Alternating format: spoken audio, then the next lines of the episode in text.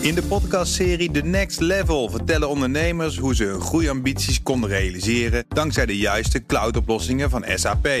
Wat waren de uitdagingen, de oplossingen en hoe ging de uiteindelijke implementatie? Benieuwd naar hun verhalen en hoe zij met behulp van SAP ook hun toekomstige ambities kunnen behalen? Luister de podcast The Next Level via de BNR-app of je favoriete podcast-app. Tech Update. Wesley Schouwenaars, we gaan eerst kort naar Frankrijk. Goedemorgen. Goedemorgen. Daar ja. heeft privacywaakhond Google en eh, Amazon eh, beboet. Dus de Franse Ja. privacywaakhond beboeten Google en Amazon. Precies, zo zullen ze daar ongeveer uitspreken.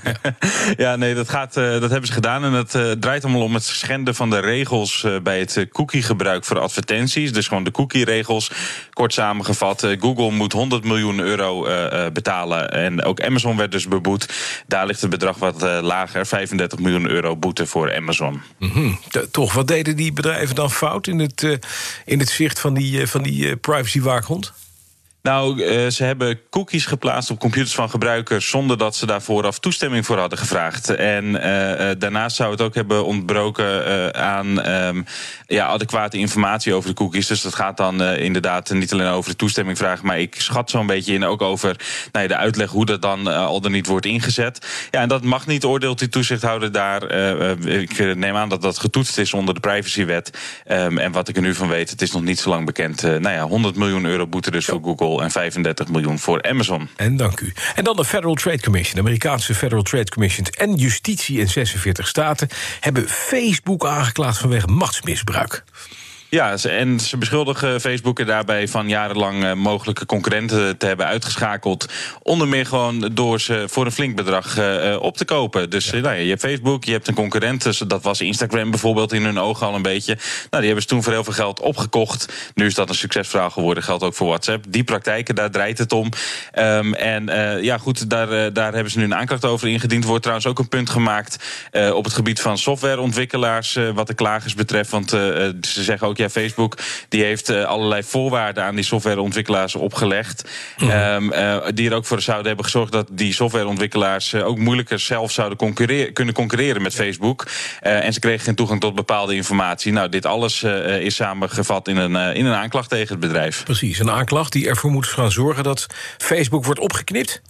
Ja, dat is in ieder geval wat eh, vooral de FTC toch heel duidelijk naar voren brengt als, eh, als eis, zal ik maar zeggen. Ehm, die Amerikaanse staten die zijn daar iets minder hard in, maar die lijken ook wel een beetje mee te gaan in die lijn.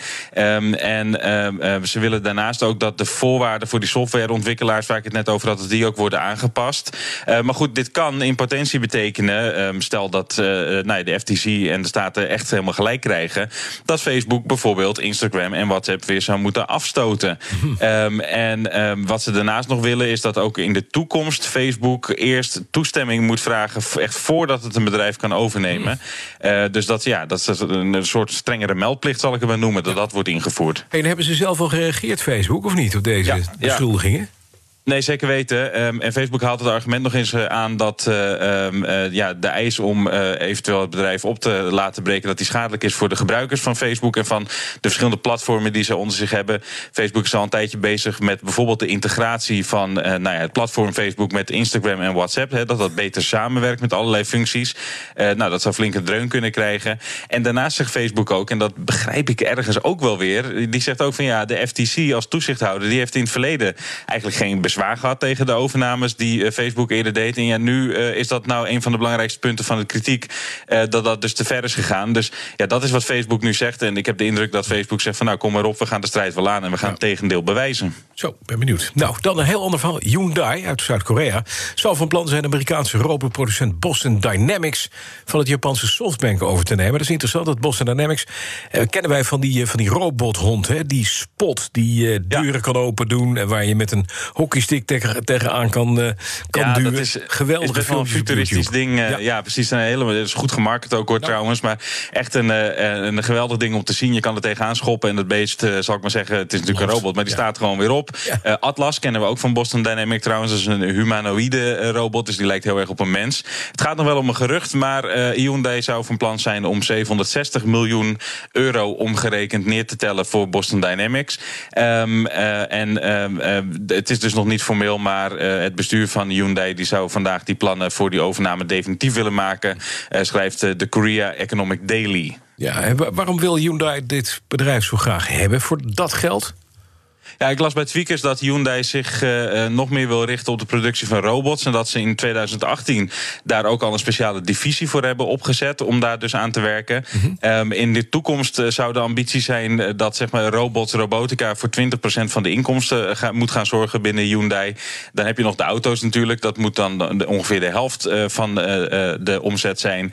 en dan hou je nog zo'n 30% over. En dat moet dan komen uit dingen als vliegende taxis, waar ze ook nog gaan werken. Ja. Um, dus ja, gewoon uh, deze overname staat echt in het licht van een uh, meer focus op uh, nou ja, de, de ontwikkeling van robots. Ja, dan nog even een stukje Apple moeten we doen, hè?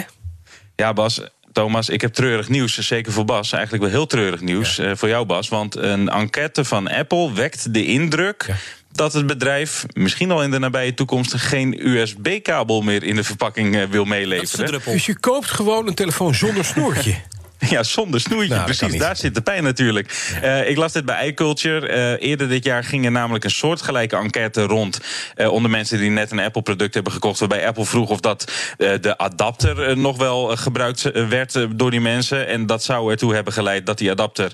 en ook de oortjes trouwens dus nu niet meer standaard worden meegeleverd. Dat is al zo bij de huidige toestellen. Ja. En ja, nu weer een enquête met de vraag van... ja, gebruiken jullie eigenlijk ook een snoertje nog wel? Nou ja, met een beetje speculeren zou je zo maar... kunnen concluderen... dat het snoertje er wel uitgaat. Wat vragen ze de mensen? Ik heb, ik heb net zo'n zo'n nieuwe iPhone gekocht. Ziet alleen, alleen nog een snoertje bij. En dan denk je, die prik ik in mijn oude adapter. En dan past die niet. Nee, want het is USB-C. Nee, is USB-C geworden. Ja, ja, ja, ook, dus ik moet weer een USB, blokje bestellen. Een apart blokje bij Apple. Apple ja. ja nee, Apple vraagt aan mensen: wat willen jullie graag? Dat doen ze helemaal niet. Ze hebben gewoon gezegd: weet je wat, we halen die spullen eruit en dan verkopen we het nog een keertje. Dat Kopen het los voor, voor, voor, de meerprijs. Ja, precies, precies. Nou, zo zou je ook kunnen, kunnen redeneren, inderdaad. Aan de andere kant, ze hebben ook uh, MagSafe uh, geïntroduceerd. Hè, Dus dat, dat draadloos laden, wat dan heel goed gaat met, met dat magneetje aan de achterkant. Ja, ja god. En het argument uh, duurzaamheid en milieu, dat oh, is toch altijd wat Apple weer aanhaalt. Hè? Oh. kleinere goed, verpakking, hè? Ja. De kleinere verpakking, die dingen allemaal. Ja aan dat MagSafe dingetje van mij zit wel een snoertje wat mijn auto in verdwijnt. Hè. Dus zo duurzaam is het niet. Nee, precies, precies. En, en ook die MagSafe moet je nog wel even los aanschaffen. Dat blijft dan ook gewoon. Oh ja. ik, uh, ik kan er niks aan doen. Maar ik moet toegeven, het is nog een beetje speculatief. Oh. Maar nou ja, alles wat met snoertjes te maken heeft, Bas, daar moet ik je toch even over bijpraten. Zeker. Morgen snoertjesdag, hè? Nou, nog niet. Uh, ja, je bent er weer niet, fysiek. Nee, nee, nee, ja, helaas. Coronavirus thuiswerken, die dingen. Ja, ik kan het niet helpen. -hmm. Dankjewel, Bessie Gouwnaars. De BNR Tech Update wordt mede mogelijk gemaakt door Orange Cyber Defense. Build a safer digital society. In de podcastserie The Next Level vertellen ondernemers hoe ze hun groeiambities konden realiseren dankzij de juiste cloudoplossingen van SAP. Wat waren de uitdagingen, de oplossingen en hoe ging de uiteindelijke implementatie? Benieuwd naar hun verhalen en hoe zij met behulp van SAP ook hun toekomstige ambities kunnen behalen? Luister de podcast The Next Level via de BNR-app of je favoriete podcast-app.